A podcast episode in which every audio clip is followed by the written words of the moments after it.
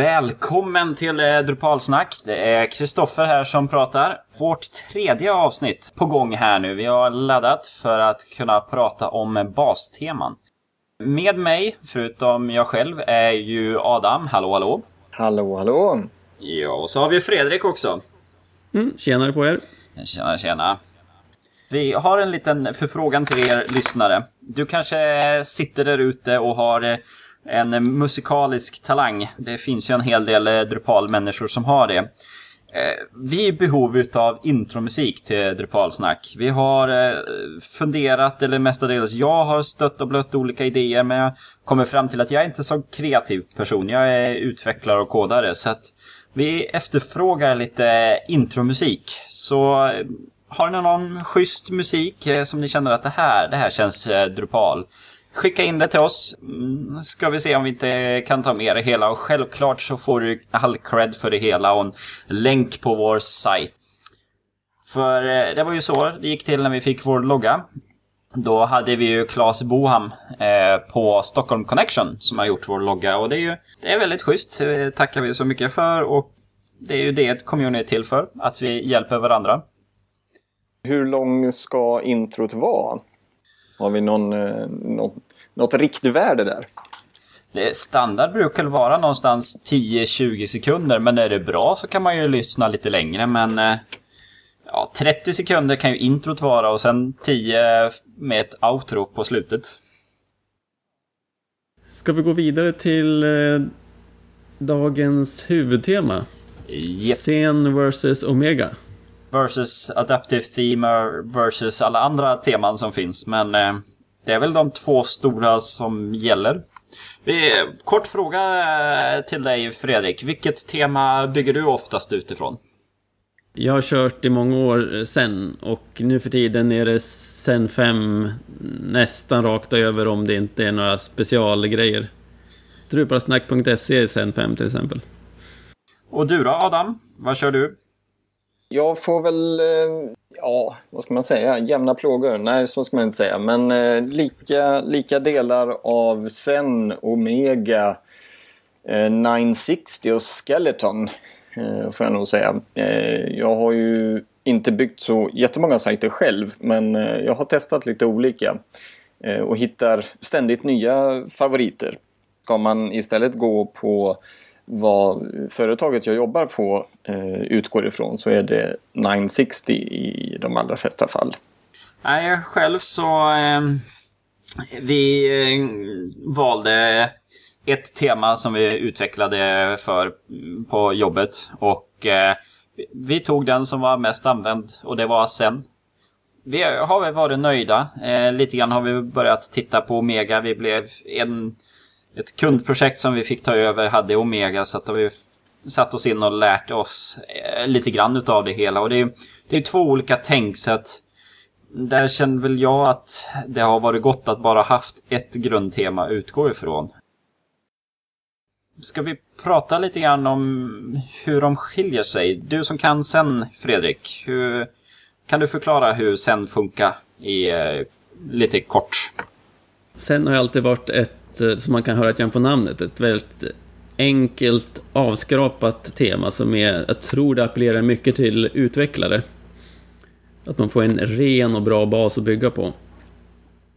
Det har inte en eh, massa inställningar webbgränssnittet utan det är ett eh, tema som gör det enkelt att lägga till sina egna CSS och sina egna templates och bygga upp temat som man själv vill ha det definitivt ett tema som appellerar mycket till utvecklare tror jag. Och där är ju Omega, det jag har lärt mig, ni får väl rätta mig eh, om jag har fel. Omega bygger ju på att det mesta görs via admin-interfacet. Och att man ska inte behöva gå in och ändra i sina template-filer. Utan man eh, bygger upp sina regions och eh, har ju med senare versioner är det väldigt mycket stöd för eh, mobilt och eh, läsplattor och så. Att man har responsiv designs och man, man utgår ifrån ett gridsystem i designen. Att man, man tänker sig att sidan är, vad är det, 12 kolumner bred. då eh, sätter man sen hur, hur breda ens div-taggar ska vara genom att sätta rätt klass på dem. Att ja, ja men den här ska vara sju eh, griddar eh, bred och eh, den ska floata till vänster eller höger. Och den här ska vara ett antal andra griddar bred och, och den måste vara en radbrytning efter och så. Och på det sättet så fungerar det väldigt fint när det är responsivt och drar ihop sidan.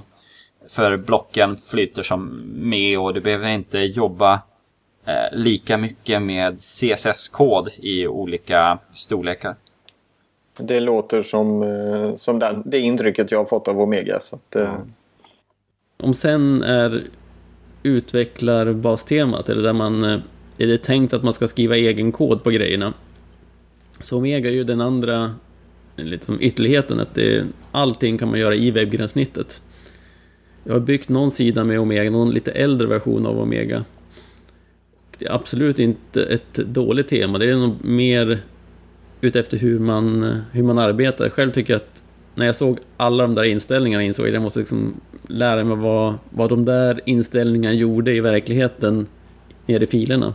Så tyckte jag att det kändes jobbigt. För mig är det enklare att ta scen 5, se alla filerna och ha som mer kontroll över det. Men eh, det är många som inte alls tänker så. Och då måste Omega vara väldigt trevligt och att man får väldigt kontroll utan att behöva gå in i koden. Precis. Men där har vi nog faktiskt också nu en, en räddning för dig Fredrik. Därför att jag läste här i flödet att Omega har kommit en version 4 här nu. Och man har gått ifrån vissa webbinställningar och hänvisar faktiskt till templetkoden. För man har insett att det blir för mycket inställningar när man kan lösa det väldigt enkelt i en templetfil. Så man utgår ifrån en templetfil.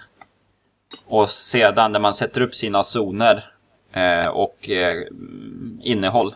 Så att då, den blir ju lite närmare sen då. Det låter som måste ta och spana in Omega 4 då. Jag kan nämna att Zen 5 också är ju responsiv. Precis som Omega och eh, det tredje temat som vi kan nämna är som Adaptive Theme. Det är också responsivt. Det är de tre, det är de tre stora responsiva temana som finns på Drupal.org. Ja. För sen efter det om man tittar på Drupal.org teman då känns det som att de som kommer efter de är inte lika kända och det är inte lika mycket basteman över dem utan de känns mer kundanpassade redan. Ja, Sen Omega och Adaptive Theme är ju definitivt de tre stora. Ja. Adaptive Theme har jag inte använt, men jag vet att det har otroligt bra panelstöd. Så är man intresserad av att bygga sin eh, webbplats responsiv och använda panels, då tror jag Adaptive Theme är eh, någonting man absolut ska spana in. Mm. Mitt intryck utav Adaptive Themes, det var ju att när responsivt började slå igenom stort för ett, ett halvår, ett år sedan. Då var det ju jättemånga som sökte efter adaptiva teman. Och då var ju det här äh, väldigt bra. Det var ju precis det man sökte. Men efter det så har ju Send och Omega kommit med samma funktionalitet. Så att det känns inte, för min del känns det inte som att Adaptive Theme tillför så mycket jämfört med de andra. Det är väl deras panelstöd tror jag som är... Ja. Jag vet folk som jobbar på riktigt bra panelstöd i Zen 5 också, men jag tror de patcherna har inte kommit in. Där man lägger in responsiva eh, layouter i Zen som, är, som man kan använda i panels. Mm. Och Adaptive Theme tror jag har sånt redan. Tipset om man ska lära sig ett bastema, vad, vad skulle ni säga är det? Adam, du kanske har fått sätta in en hel del teman här nu, så hur... Vad är din eh, attackplan när du kommer ett nytt tema?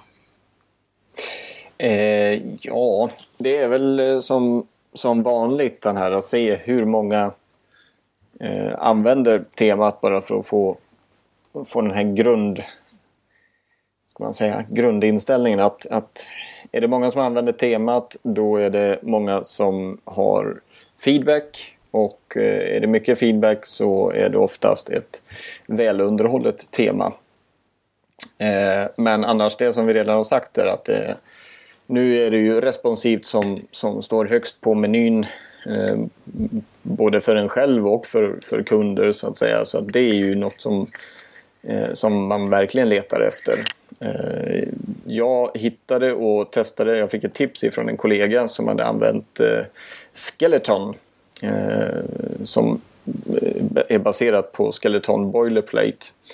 Och eh, det finns även ett tema för för Drupal. Jag testade det på en av mina sajter och blev absolut inte besviken. Det är, det är inte så avancerat, eller rätt sagt jag har inte kommit in i det eh, Eh, så mycket. Eh, men det är responsivt, det är stabilt och det funkar. Det finns dock inte så mycket action i, i issue-kön där, men det kanske kommer. Eh, sen och Omega ligger ju åtskilliga 10 000 före där. Och speciellt då när ni säger att båda två har responsivt stöd så är ju det något som är intressant.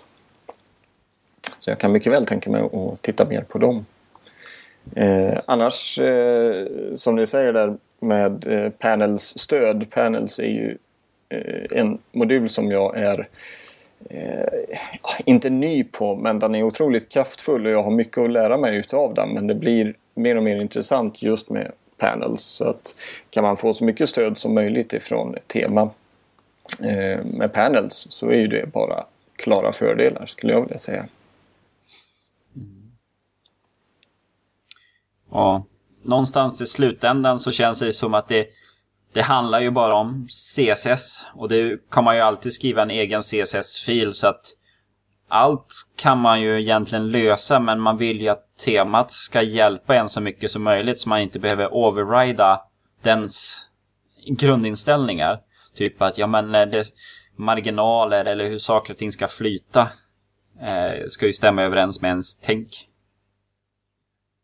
Um, för där kan jag ju känna lite grann eh, Sen har ju det med att eh, menyn, hur den ska ligga i navigation bar. Det tänket fungerar sällan på de sajter vi utvecklar. För att då vill man ha att menyn ska se annorlunda ut och då kanske man tappar lite grann i mm, HTML-strukturen för att få en sökmotor optimerad. Kan jag känna ibland. Är det något ni har tänkt på? Det med att sen 5 har man lagt i HTML-koden så ligger menyn under innehållet så lyfter man upp den med hjälp av CSS. Ja.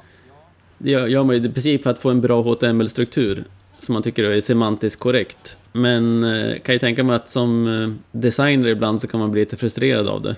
Det är svårt att få det kanske se ut precis som den där Photoshop-bilden såg ut. Ja, för för oss har det i många fall eh, slutat med att vi lägger menyn i header-region. Eh, Och då tappar man ju lite grann utav den funktionaliteten. För det, det handlar ju om att sökmotorn, när den läser utav sidan så ska inte den ju få menyn det första på alla sajter. Att alla sajter innehåller 100 länkar från början. Utan det borde ju komma efter huvudinnehållet.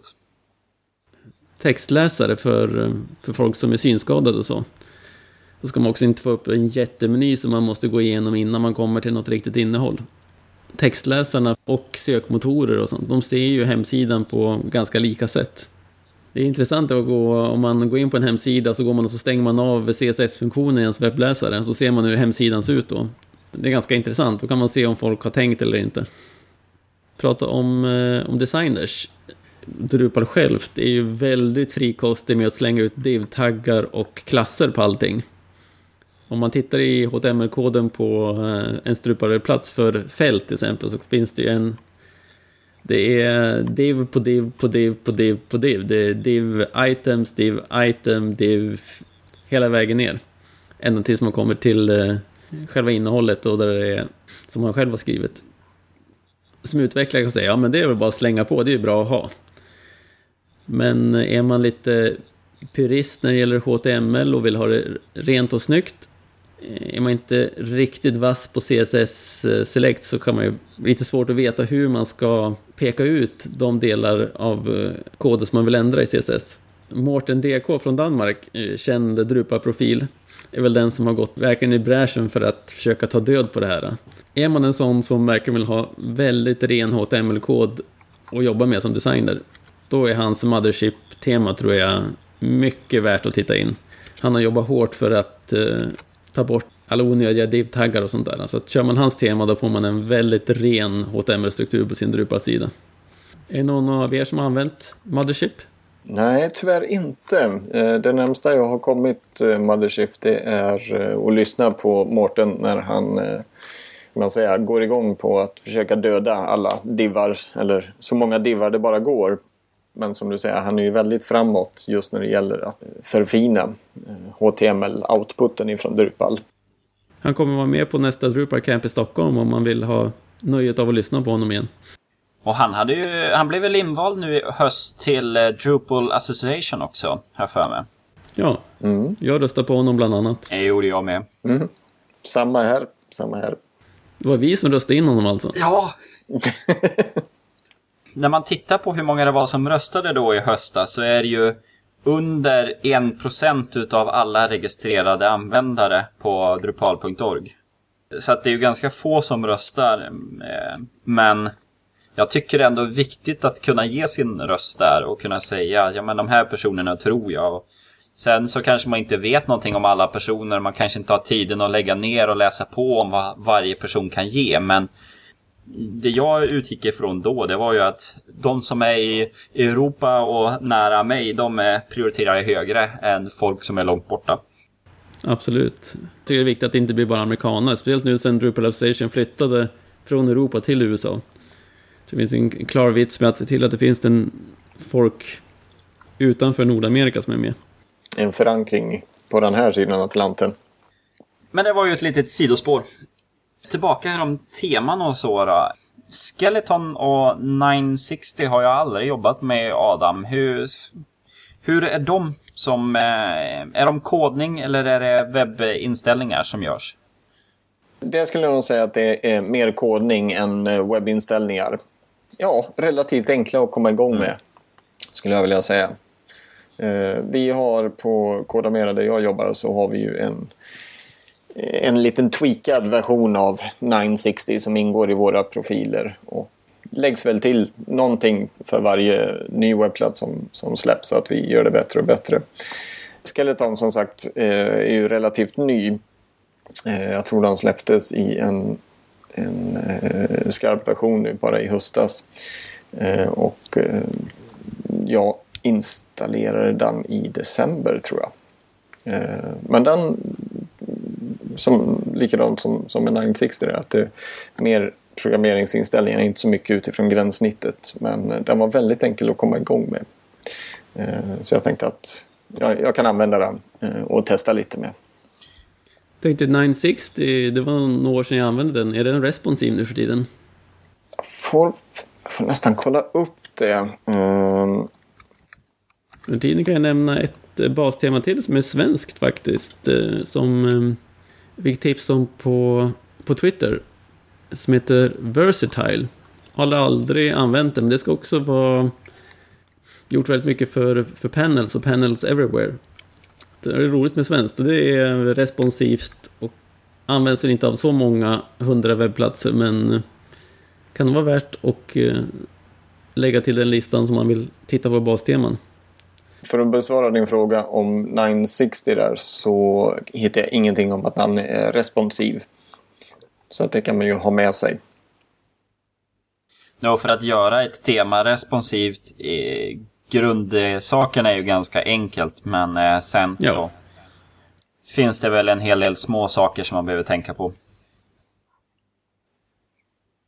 Men skulle ni säga att det finns något tema som passar bättre för vissa typer av hemsidor och teman som passar bättre för andra? Eller handlar det mer om att man ska vänja sig vid en och den kan man använda för allt? Nej, det är absolut så att de eh, passar olika bra för olika eh, situationer. För många hemmapulare som vill slänga upp och ha ett professionellt tema så tror jag till exempel att Omega är väldigt bra. För att man, just att man kan ställa in väldigt mycket direkt i webbgenomsnittet och man kan ändra saker.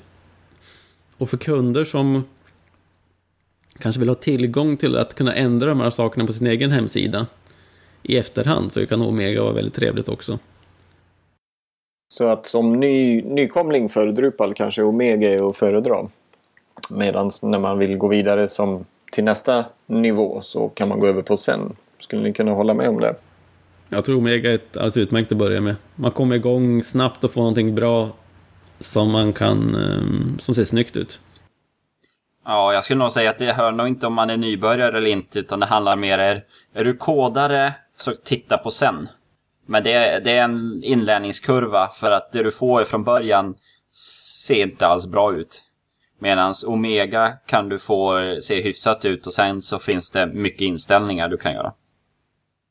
Nej, sen är det ju helt barskrapat när man sätter igång det. Det tyckte jag var väldigt frustrerande från början när man började jobba med Drupal. Och man sökte, ja men jag ska ha ett tema. Och sen så insåg man, ja men det finns ju knappt några teman och eh, olika typer. För att eh, tittade man på Wordpress och Joomla så fanns det ju tusentals eh, teman att välja på. Det fanns stora hemsidor där man med galleri utav teman som man kunde bara peka och klicka på och få sin egen touch på det hela. Eh, mm. Varför tror ni att det, inte har, att det inte finns till Drupal? Jag tror att det är lite av samma situation när det gäller moduler som, eh, som tema för Drupal.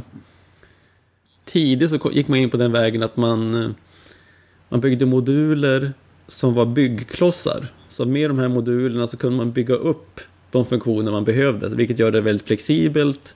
Men det är också att man får ingen sån här point and click lösning. Alltså man bara, droppar ju bara inte in en, en bildgallerimodul så pang så har man ett bildgalleri. Utan man, man använder de här, de här modulerna, då kan man bygga den här typen av bildgallerier. Eller hundra andra sorter. Mm. I Joomla och Wordpress och i ett annat sådant system, då har man ju ofta... Du kanske har tre, fyra olika sorters bildgallerimoduler. Och när du släpper in en av de modulerna, då får du ett bildgalleri. Det är klart, det ser bra ut, men om du sen skulle vilja ändra det, då är det inte så himla enkelt. Utan man får nöja sig med det man får. Och det gäller nog teman också i, kanske i Wordpress, framförallt och kanske Joomla också. Att du har en massa teman som du kan droppa in och som ser ut med olika snygga designer. Men man får liksom välja, antingen ska det se ut så här eller också ska det se ut så här eller på de andra hundra olika sätten. Men i Drupal så har man ett, par, ett gäng väldigt bra basteman. Där det är tänkt att man ska ha en egen designer som sen lägger på CSS för att det ska se ut på ett unikt sätt. Det är också att Drupal-webbplatser kanske byggs till sådana lite större projekt där man vill ha ett unikt eh, utseende därför att kunden kunderna efterfrågar det. Men Wordpress så bygger man ofta små webbplatser där det inte finns en sån budget i vilket fall. Mm. Kloka ord. Eh, jag håller med om, om dina teorier. En sak som slog mig här nu det är ju att det, i Wordpress du har ett blogg och en blogginlägg ser ut likadant. Du har rubrik och text och datum. Medan i Drupal, om du bygger en bloggsida så kanske du inte har likadana fält som en annan som bygger blogg. Och eh, då om man utvecklar ett tema för bloggar så vet man ju inte alls hur saker och ting är namngivet och vad det finns för content types och sånt. Så att det är väl det som gör att det blir svårt att kunna ta ett tema för ett annat. För att med CSS-namn eh, beror ju på datastrukturen som man har under. Nackdel där som gör att man inte kan ta det vidare. Men det är ju också styrkan i Drupal. Du bygger den som du vill ha den. Sen börjar det också komma, om vi går vidare här nu. Eh, många basteman börjar ju skriva att de, de använder SAS eller de använder LESS och eh, jag har börjat titta lite grann på det hela men eh, är det någon som känner att de vet mer vad det är för någonting? Ja, ett grymt mycket bättre sätt att skriva CSS skulle jag vilja sammanfatta det som. En gång i tiden när man skrev CSS så var det ju ganska enkla saker. Man använder för att styra utseende på lite text och lite marginaler och mellanrum och sånt där. Men idag när man bygger en webbplats så är ju hela layouten, mycket av funktionaliteten, drop-down-menyer, megamenyer mm, etc. gjorda i CSS. Vi har ju pratat förut om responsiv eh, design. Där designen eller webbplatsen anpassas efter vilken enhet som besöker sidan och försöker ladda den. Om det är en mobiltelefon eller en iPad eller en dator eller vad det är. Och det görs ju helt med CSS och CSS Media Queries. Så idag när man skriver CSS så blir det helt annan omfattning på koden. Det är väldigt mycket man behöver skriva. Jag kan ju nämna att när man skapar ett nytt subtema i Zen 5 så får man automatiskt med sig över 1500 rader CSS-kod. Det är när man tagit bort eh, alla kommentarer och alla tomrader. SAS och LESS har man ju skapat för att få något effektivare och enklare sätt att eh, skriva all den här CSS-koden snabbare. Och för att kunna göra det mer överskådligt, att man lätt ska kunna hitta den bit av kod man behöver ändra eller där man behöver lägga till saker. Den här koden man skriver i SAS eller eh, den kan ju inte webbläsaren läsa förstås, utan den kör man via en, eh, en preprocessor så att den spottar ut sig helt vanlig CSS-kod. Det går att ställa in de här så att dessutom CSS-koden kan bli väldigt eh, komprimerad. Man tar bort alla mellanslag, alla tomrader. Det blir små och snabba filer för webbläsaren att ladda och läsa. Man kan ju ta eh, två exempel på vad eh, SAS och LESS kan göra för någonting. Ett vanligt exempel är ju att den kan göra nästning. Till exempel att du har ett antal element i en nod som man vill kunna ändra med hjälp av CSS. Då normalt i sin CSS-kod så behöver man skriva .nod mellanslag .titel. Så CSS för det och sen nedanför skriver man .nod mellanslag .content och CSS för det. Och sen skriver man .nod .links och CSS för det och så etc. Det blir väldigt repetitivt. Med SAS och LEST kan man som sagt nästa det här. Alltså då behöver man skriva .nod bara en gång. Och sen inuti den deklarationen så kan man skriva bara .titel, .content, .links och så CSS för respektive element. Det är mycket mer eh, kompaktare och mer lättläst kod. Använder man CSS3 för border radius och gradients och shadows och allt sånt här nytt och snygga grejer så vet man att det är ett himla jidder att få det här att funka i alla webbläsare. För det, är, det är ganska nya grejer så det är inte riktigt standard än. Så därför så ska man ha Dash Moss Border Radius och Dash WebKit eh, Border Radius och alla de här varianterna. Och de kan man låta SAS och LESS hålla reda på. Och så behöver man bara skriva hur kurvig vill man ha hörnet? Och sen kan SAS och LESS generera alla de här olika varianterna som behövs för att det ska se riktigt ut i alla webbläsare.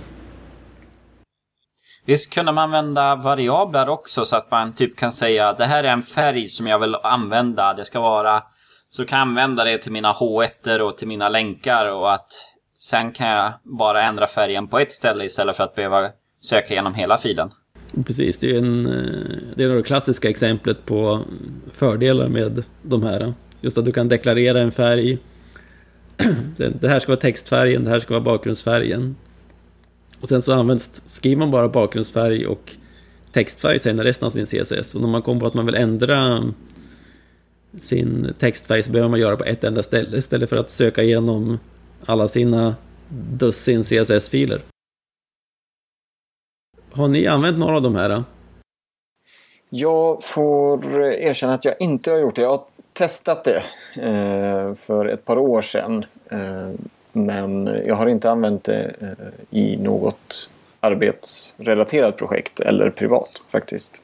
Och du Kristoffer?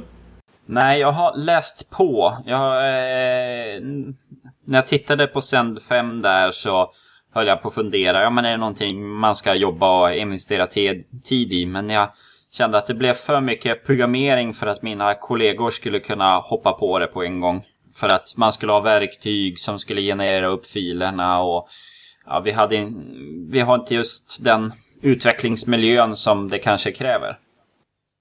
Om man ser längre fram så att säga, om, om, om man nu tar med detta i ett Drupal-projekt, vad, vad kommer att krävas av servermiljön för att det ska fungera? Är ni medvetna om det? servermiljön ska man inte behöva göra någonting om. Man kan ju generera dem där om man vill, men normalt så gör man det kanske i sin, i sin egen dator innan man trycker ut det. Och vad behöver man då för någonting, Fredrik? Jag kör ju bara på kommandoraden som jag gör allting annat. Det är enklast tycker jag. Eh, men eh, det finns eh, snygga GUI-appar för sånt här, både för SAS och LESS. Om man skriver CSS och får hjälp med att skriva den så blir autocomplete och allt sånt där trevligt. Och den, så fort du sparar filen så gör den automatiskt direkt om det till CSS-fil och laddar om CSS i din webbläsare så du kan se uppdateringen direkt.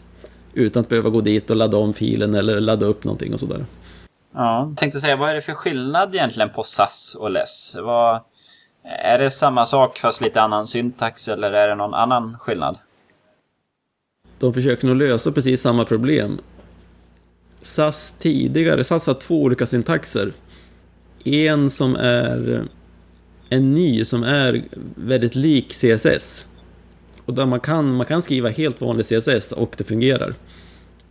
Och så har man en, en äldre som var ännu mer kompakt. Där det inte, där man var tvungen att lära sig en, en ny syntax. Och därför tror jag SAS från början inte blev så populärt bland icke-utvecklare. Men nu för tiden tror jag SAS är precis lika lätt att använda och har lika bra GUIn. Med den här nya syntaxen. Less har hela tiden haft en, eh, en mycket CSS-liknande syntax där man kan ha stoppat in eh, CSS direkt om man vill när jag tittade över de här och bestämde vad jag skulle använda så tyckte jag att SAS tekniskt sett var betydligt bättre, har en bättre struktur, har många smidiga funktioner. Och framförallt så har SAS ett ramverk som heter Compass. Så det man normalt använder är inte en ren SAS utan man använder SAS snedstreck Kompass kan man säga. Det är också vad CN5-temat använder. Och i Kompass har man en rad mycket användbara funktioner. Till exempel kan man skapa spirits automatiskt. Man har hela CSS3-stödet så att man slipper bekymra sig om hur olika webbläsare sköter om det. Man har en funktion som jag gillar väldigt mycket för typografisk rytm. CN5-temat använder det också. Det är en hjälp att skapa en rytm mellan storlekarna i de olika rubriknivåerna och eh, för brödtexten och sånt. Så man får en en vacker och lättläst text. Och det är någonting jag verkligen gillar. Så jag måste säga att Kompass är en av de sakerna som gör att jag föredrar SAS framför LESS. Men när jag frågade på folk på Twitter här, då var det flera där som tyckte att, eh, att LESS var mer lättanvänt och att det var lättare att få designers och sånt att använda det. Jag vet inte, det kanske beror på att LESS fortfarande har en snyggare hemsida kanske. Ja, det ska man inte underskatta. Ja, det är något man får hålla koll på. Det känns som att det är på gång det också. Eh, tillsammans med responsivt att kunna få lite bättre struktur för att eh, CSS-filerna de växer och växer känns det som. Det är ju förstås en liten tröskel att sätta igång och lära sig men eh, mitt råd är att ge er själva en halv dag och verkligen eh, testa det. Och sen när ni sätter igång med nästa projekt Välj ett bastema som har stöd för SAS eller dess. Och eh, bara bestämmer, kör på er. Och sen när ni har kört ett projekt med det, då kommer ni inte vilja göra någonting annat. Att skriva vanlig CSS kommer kännas väldigt klumpigt och eh, repetitivt efter det. När vi också håller på att prata om CSS så gick det ut en eh, bloggpost. Eller egentligen så var det bara ett inlägg på groups.drupal.org. Eh, Eh, där man diskuterade här om CSS-standarden, kodningsstandarden som ska finnas i Drupal. Och eh, man hade visst försökt dra i det för fyra år sedan. Och sedan gjorde man ett utkast. Och sedan eh, har ingen, eller man har inte bestämt att det utkastet är det som gäller. Så att nu har man tagit nytt eh, tag om det hela och vilken CSS-kodningsstandard det ska vara i Drupal 8.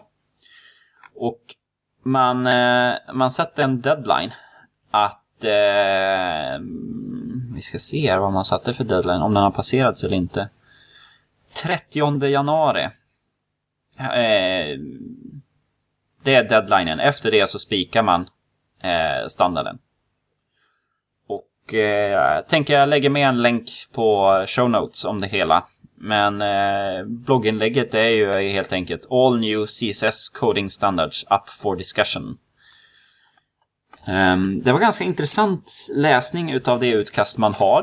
Eh, det man har tagit fram. Eh, det handlar dels om att, ja men, hur skriver man en CSS-fil? Vad har man för eh, indentering? Att det är två space som gäller, inget tabtecken. Eh, kommentarer, hur de ska skrivas. Ehm, och sorteringen tycker jag också var ganska intressant. Ehm, hur tar man in, eller hur ordnar man sina saker? För man kan ju skriva bokstavsordning. Men eh, problemet man kan få då det är ju att eh, saker som hör till positionen för ett block eller för en div hamnar så utspritt. utspritt. Du har margin och eh, left och topp och z-index hamnar på så olika ställen så att det är svårt att hålla reda. Så att det var, ja, det var intressant att man, eh, man började med position utav eh, properties, utav eh, diven, eller vad man ska säga. Och eh, efter det så tar man eh, box model properties. Som, där rör det ju mer um, display, height och width och margin. Och sen på slutet så handlar det om övriga saker som färg och font och sånt. Så att det var, ja, men det var intressant att se att man, man jobbar med det hela. Det är klart trevligt om man kunde få en ordentlig standard på CSS-filerna också. För det blir ju mycket lättare att gå in i andra, om man ska ta över ett projekt eller om man ska jobba flera stycken tillsammans. Om man har någon liknande tänk när man skriver CSS. Precis som vi har idag för, för Drupals POP-kod där vi har en etablerad kodningsstandard. Som de flesta i alla fall följer, vilket gör det mycket trevligare att jobba med koden. Och mycket lättare att felsöka och sånt. Det gäller ju bara att eh, så många som möjligt hakar på eh, och använder sig av standarden också naturligtvis. Eh, för då är det mycket lättare att ta över någon annans projekt, vilket, mm. vilket händer. Eh, kund, I alla fall när man jobbar med kund, kundprojekt. Eh, de har ju en tendens att, att flytta sig mellan eh, olika byråer. Jag vet att vi har tagit över en handfull och vi har haft kunder som har, har lämnat oss och gått över till, till våra konkurrenter.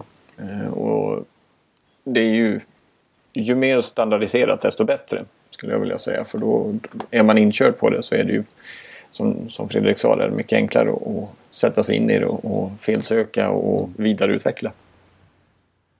Jag tycker bara när man själv kommer tillbaka till ett projekt efter några månader eller något år så är man väldigt glad om man har gjort saker rätt. Ja, men oftast så inser man ju att det här kan man ju göra bättre nu när jag vet mer. ja, det är inte så är det ju alltid. Nej. Varför använder ni inte de här modulerna istället för? mm. Ja. Har vi något mer om basteman som ni känner att ni vill eh, tillägga? Nej, inte från mitt håll för stunden. Nej, inte Men det är ju något vi kan återkomma till i eh, senare, senare program bara, längre fram. Så här, en sista fråga här då. Vilket bastema skulle du välja Adam? Om du eh, gör en ny sajt nu. Eh, jag hade nog, utefter vad jag har hört er berätta, så hade jag nog testat Omega igen. Eh, för det var ett par år sedan jag testade det senast. Så jag hade nog valt att titta lite extra på Omega, även om Skeleton eh, gav mig sköna vibbar. Och du då Fredrik? Sen 5. Och du Kristoffer? Ja, jag skulle nog säga sen där också. Den... Eh... Nej, jag är för mycket kodare för att vilja hålla på och peka och klicka i interfacet. Det var det om basteman. Har du som lyssnar något du vill eh, tillägga eller eh, ja, undrar om eller funderingar och sånt så eh, vi är öppen för eh, meddelanden. Vi finns ju på Twitter där vi har Drupalsnack eller hashtag eh, Drupalsnack.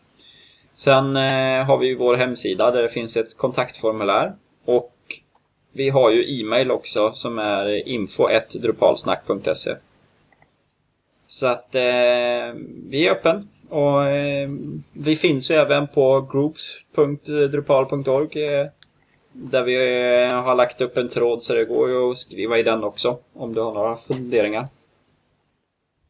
Du Fredrik hade någon till modul här nu som du kom på att den här borde vi ha tagit upp. Ja, det var Adam som föreslog att vi kanske skulle ha en återkom återkommande modultips. De modultips vi har kört har varit väldigt uppskattade. Då kom jag på en modul här som, som jag använt mycket och som mina, många av mina kunder använder aktivt, som vi faktiskt inte finns med på någon av våra listor. Och det är modulen Webform. Webform är en modul där du kan skapa dina egna formulär. Det är så formulär som är mest tänkt för att hämta in information som man sedan vill bearbeta på något sätt. Du kan eh, använda den för att eh, göra frågeformulär, konferensanmälningar, kontaktformulär, ja, allting möjligt där man vill kunna samla in data. Och sen kan du titta på datan direkt på din Drupal-webbplats. Du kan få lite enkel statistik. Och vill man sen göra något mer avancerat så laddar du hem det som ett kalkylarksfil. Du kan i eh, OpenOffice eller Excel-format, det finns lite olika. Så kan du ta hem och, och bearbeta den precis som du vill. Jag har många kunder som använder den här och uppskattar väldigt mycket att de själva kan bygga sina formulär. De behöver liksom inte höra med mig eller någon annan utvecklare utan de de kan själva efter några timmars introduktion, eller det behövs inte så mycket ens för det mesta, så kan de eh, slänga ut sina egna formulär på, med, med kort varsel. De ska ha en, eh, en konferens, upp med ett konferensformulär där folk kan eh, välja vad de, vad de vill ha för mat och hur de vill bo och eller ha lite kontaktformulär i lite olika varianter. Kan de själv anpassa. De behöver göra ett frågeformulär för, för något projekt de har där de ska samla in svar från alla deltagarna. Slänger de upp själva på en förmiddag. Jag gissar att ni också använt Webform-modulen då och då. Absolut. Jag är en, en eh, evangelist när det kommer till Webform. Jag använder den själv väldigt mycket och eh, tycker den är klockren faktiskt. Eh, av, eh, mycket av samma orsaker som eh, eller skäl ska jag säga som, som du säger att den är lätt att komma igång med. Eh, och många kunder använder den med, med stort nöje. Ja, för min del så blev det ju det att eh, det inbyggda kontaktformuläret i Drupal eh, löste ju inte det man oftast vill ha med, eh, med egna rubriker eller ändra om saker. Så att eh, då blev det Webform som har kunnat lösa allting. Eh, nu har jag läst, det finns någon modul som kan fixa till den här funktionaliteten jag saknade. Nu minns jag inte riktigt vad det var, men att då skulle man inte behöva webbformen. Jag tycker den är så pass enkel. Har ni varit in på webform.com? Mm. Det läste jag om eh, lite grann. Det är ganska kul. Det är en, han som utvecklar Webform satte upp eh, Webform-modulen, satte upp hemsidan Webform. Där han eh, gör ett sånt här eh, att du kan skapa ditt eget formulär och kunna eh, embedda det i din egen sida. Det är väldigt så här, intressant att se hur effektiv webbform-modulen kan bli. Visa det dock inte för era kunder för då kommer de vilja ha exakt den funktionaliteten och jag tror nog det krävs lite jobb för att få det precis så. Den har jag aldrig sett förut. Jag tittar på den just nu. Himla snyggt gjort. Mm. Eh, mycket Eh, jag tror att den här använder en, en eh, utbyggnadsmodul som heter Webform UI. Eh, där du istället för att peka och klicka Eh, och lägga till dina webform-element så kan du dra, dra och släppa istället. Eh, jag har för mig, som sagt, jag är inte helt hundra här, svamlar lite, men jag har för mig att, att eh, den använder den här Webform UI för att få till den här funktionaliteten. Jag undrar om det är egentligen Form Builder den heter. Vi får lägga med lite grann. Jag har för mig också att ja, det är någon till modul han använder just för att bygga upp formulären. Vi lägger in dem i våra show notes. Jag måste ta och kolla in dem där själv. Tror jag mina kunder skulle vilja ha. Formbuilder eh, har jag inte sett innan men eh, du har ju rätt. Det ser ju... Det skulle mycket väl kunna vara en... Eh, att det är den modulen. Men de verkar ju ha samma funktionalitet. Men som du sa, vi lägger till länkar till båda där så kan man testa. Jag har själv ingen erfarenhet av just den här dra och släpp tekniken. Vare sig på privatplan eller hos, hos kunders webbplatser. Det fungerar ju sådär på surfplattor och sånt. Det kan jag tänka mig. Sen har vi fått in en lyssnarfråga. Det är Örjan som fortsätter på modulspåret. och Han undrar hur vi håller reda på de moduler vi tycker om och använder. Han, tycker det, han eh, bygger inte webbplatser så ofta så att mellan gångerna tycker han det är svårt att komma ihåg vilka moduler som var bra att använda. Så hur gör ni? Adam? Ja, jag får väl erkänna att jag inte har något strukturerat sätt att hålla, hålla koll på dem. Utan det är väl snarare att jag i så fall går tillbaks eh, när, jag, när det uppstår ett, ett behov. Så eh, går jag tillbaks till senaste gången jag löste liknande behov. Eh, och så ser jag hur, hur, om jag inte kommer ihåg det rakt av, så ser jag hur jag löste det då. Och du Kristoffer? Ja, oftast. Eh, ja, så här, vi har ju en standard eh, installationsprofil som vi har gjort med våra standardmoduler. Så då får man ju alltid med dem.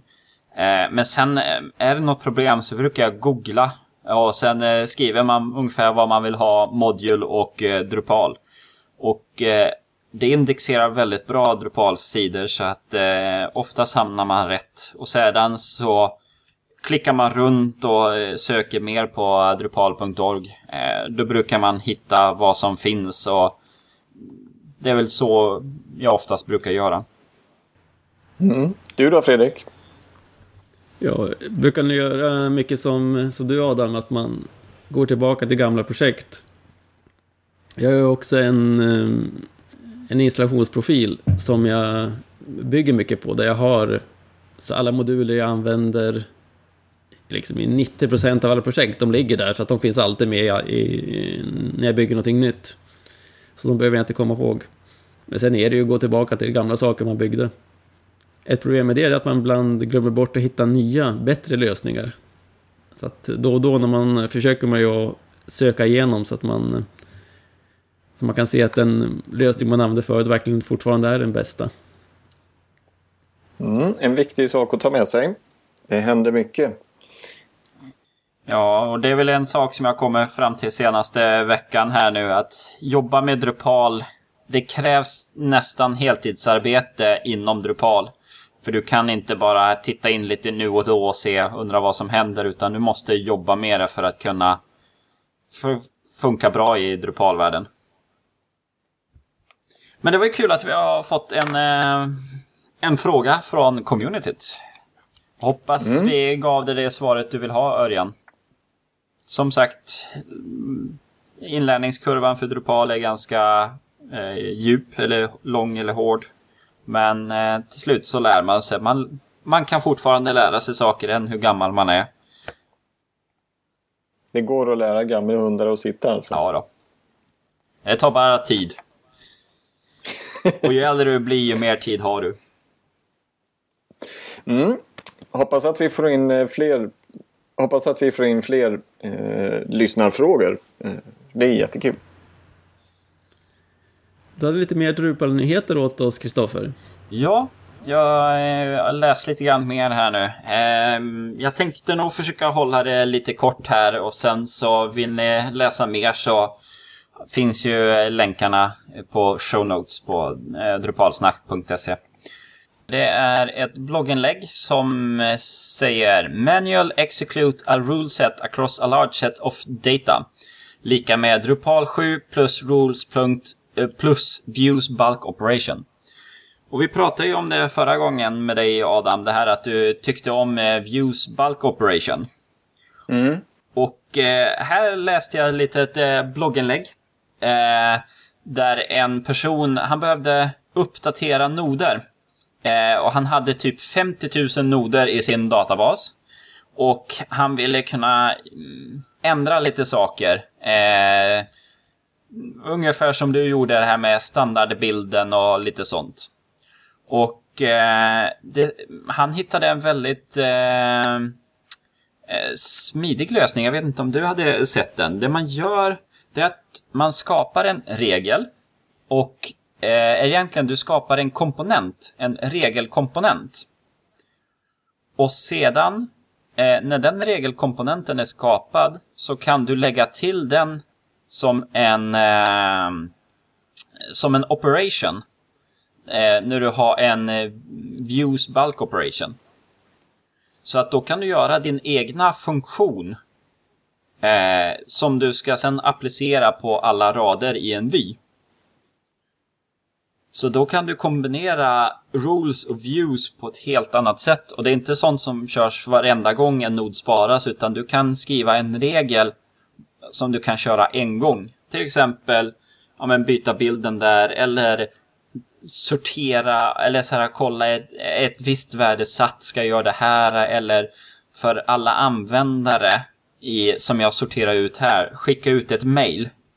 Typ att eh, eh, nu har vi, nu har den nya sidan kommit eh, och sen så har man en lista utav användare och sen har man en egen regel som skickar ut det hela. Så att eh, det tyckte jag var väldigt enkelt och det visar än en gång hur eh, avancerat eh, Drupal är när moduler jobbar tillsammans på helt nya sätt.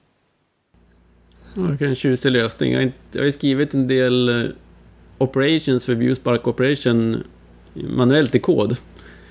Men jag har inte ens tänkt på att man kunde göra sådana e-rules. Det är ju hur tjusigt som helst.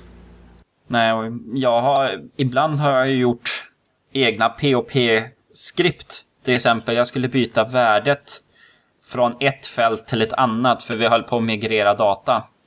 Och då skriver jag en POP-kod som hämtade ut alla noder, flyttade om värdet och sparade om noden. Men med det här sättet skulle man kunna ha gjort det via webbinterfacet och de som inte kan koda POP skulle kunna sitta ner och göra det här själv.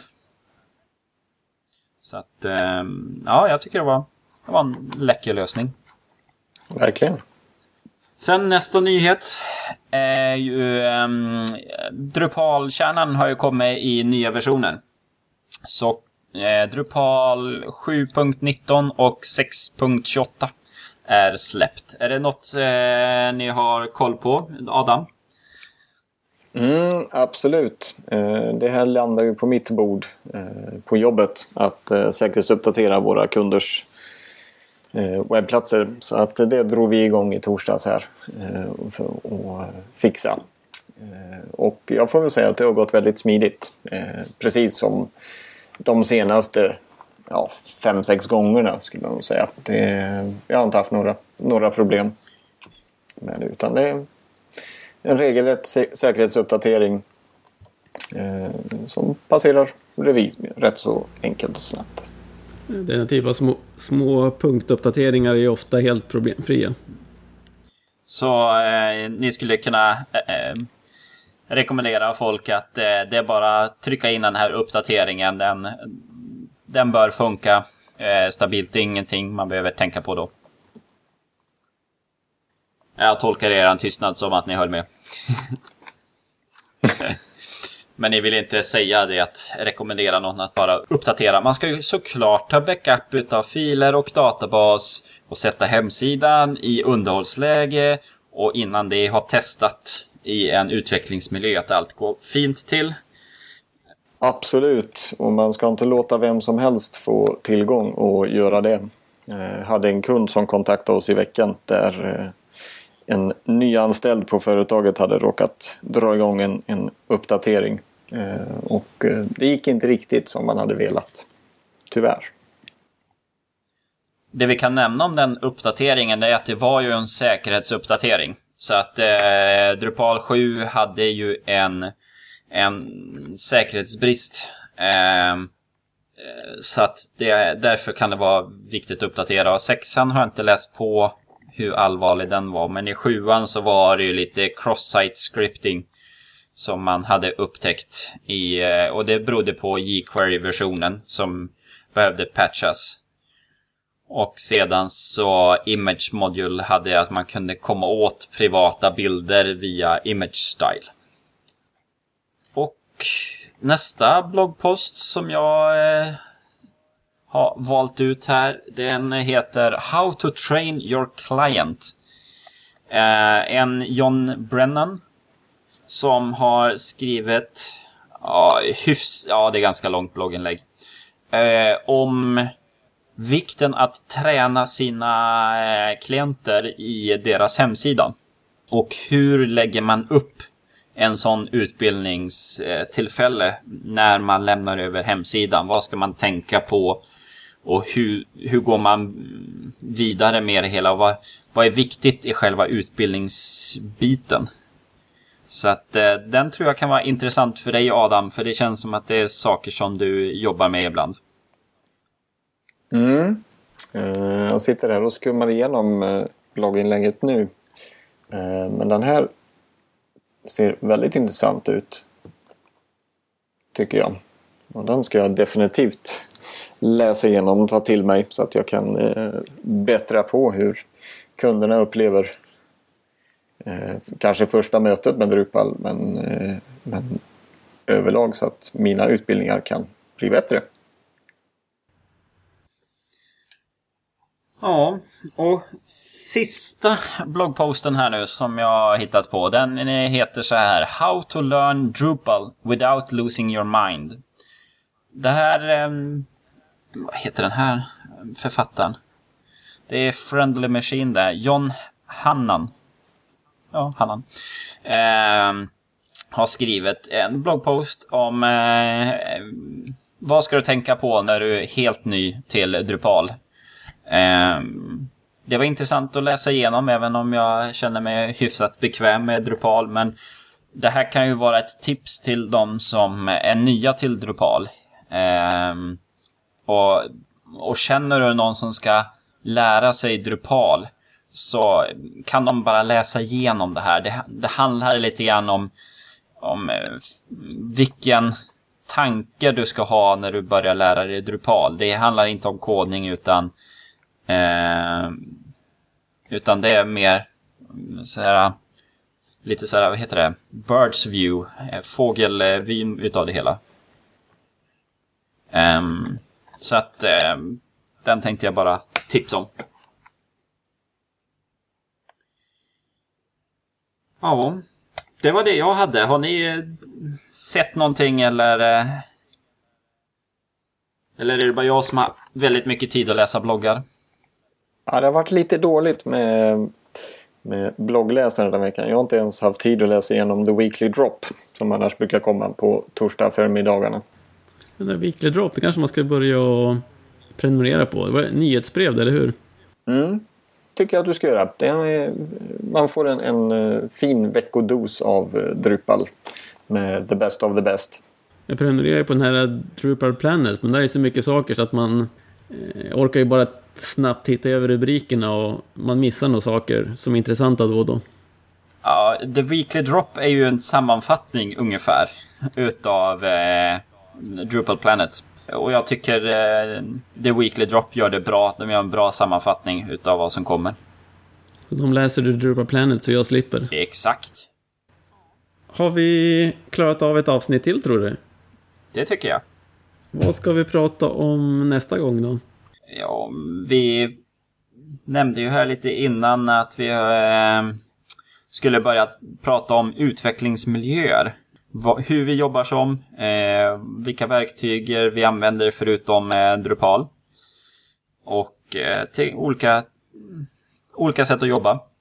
Så att eh, det ska bli intressant att höra hur, hur ni jobbar som för att som utvecklare tycker jag det är intressant att höra hur andra jobbar som. Jag tar gärna intryck från andra och vill lära mig hur de jobbar som. Så blir det prat om VAMP och LAMP och sådana grejer nästa avsnitt. Ja. Man sätter upp sin lokala utvecklingsmiljö. Ja. Och vi kommer att prata Linux och, och Mac och Windows och hur, hur man jobbar med den jobbiga miljön. Då är det smidigt att vi sitter på lite olika plattformar. Så vi kan ge ordentliga tips för alla möjliga miljöer. Ja. Precis. Vi kommer säkert att beröra Git på ett eller annat sätt också. Det har vi faktiskt satt upp som ett um, eget ämnestema eh, här framöver. Pensionshantering med Git. Men eh, det kommer ju säkert att nämnas i många sammanhang. Man kommer inte ifrån versionshantering när man håller på med utveckling av webbplatser. Så nästa eh, gång, vi siktar väl på om två veckor igen. Så då pratar vi utvecklingsmiljöer. Har du frågor, mejla oss eh, på info.drupalsnack.se har, Eller så har vi kontaktformuläret eller så finns vi också på Twitter. Ja, så då vill vi tacka för oss. Vi tackar att du har lyssnat på oss den här gången. Och eh, vi hoppas att du lyssnar på oss igen. Ha en god fortsättning. Tack för den här gången. Hej hej.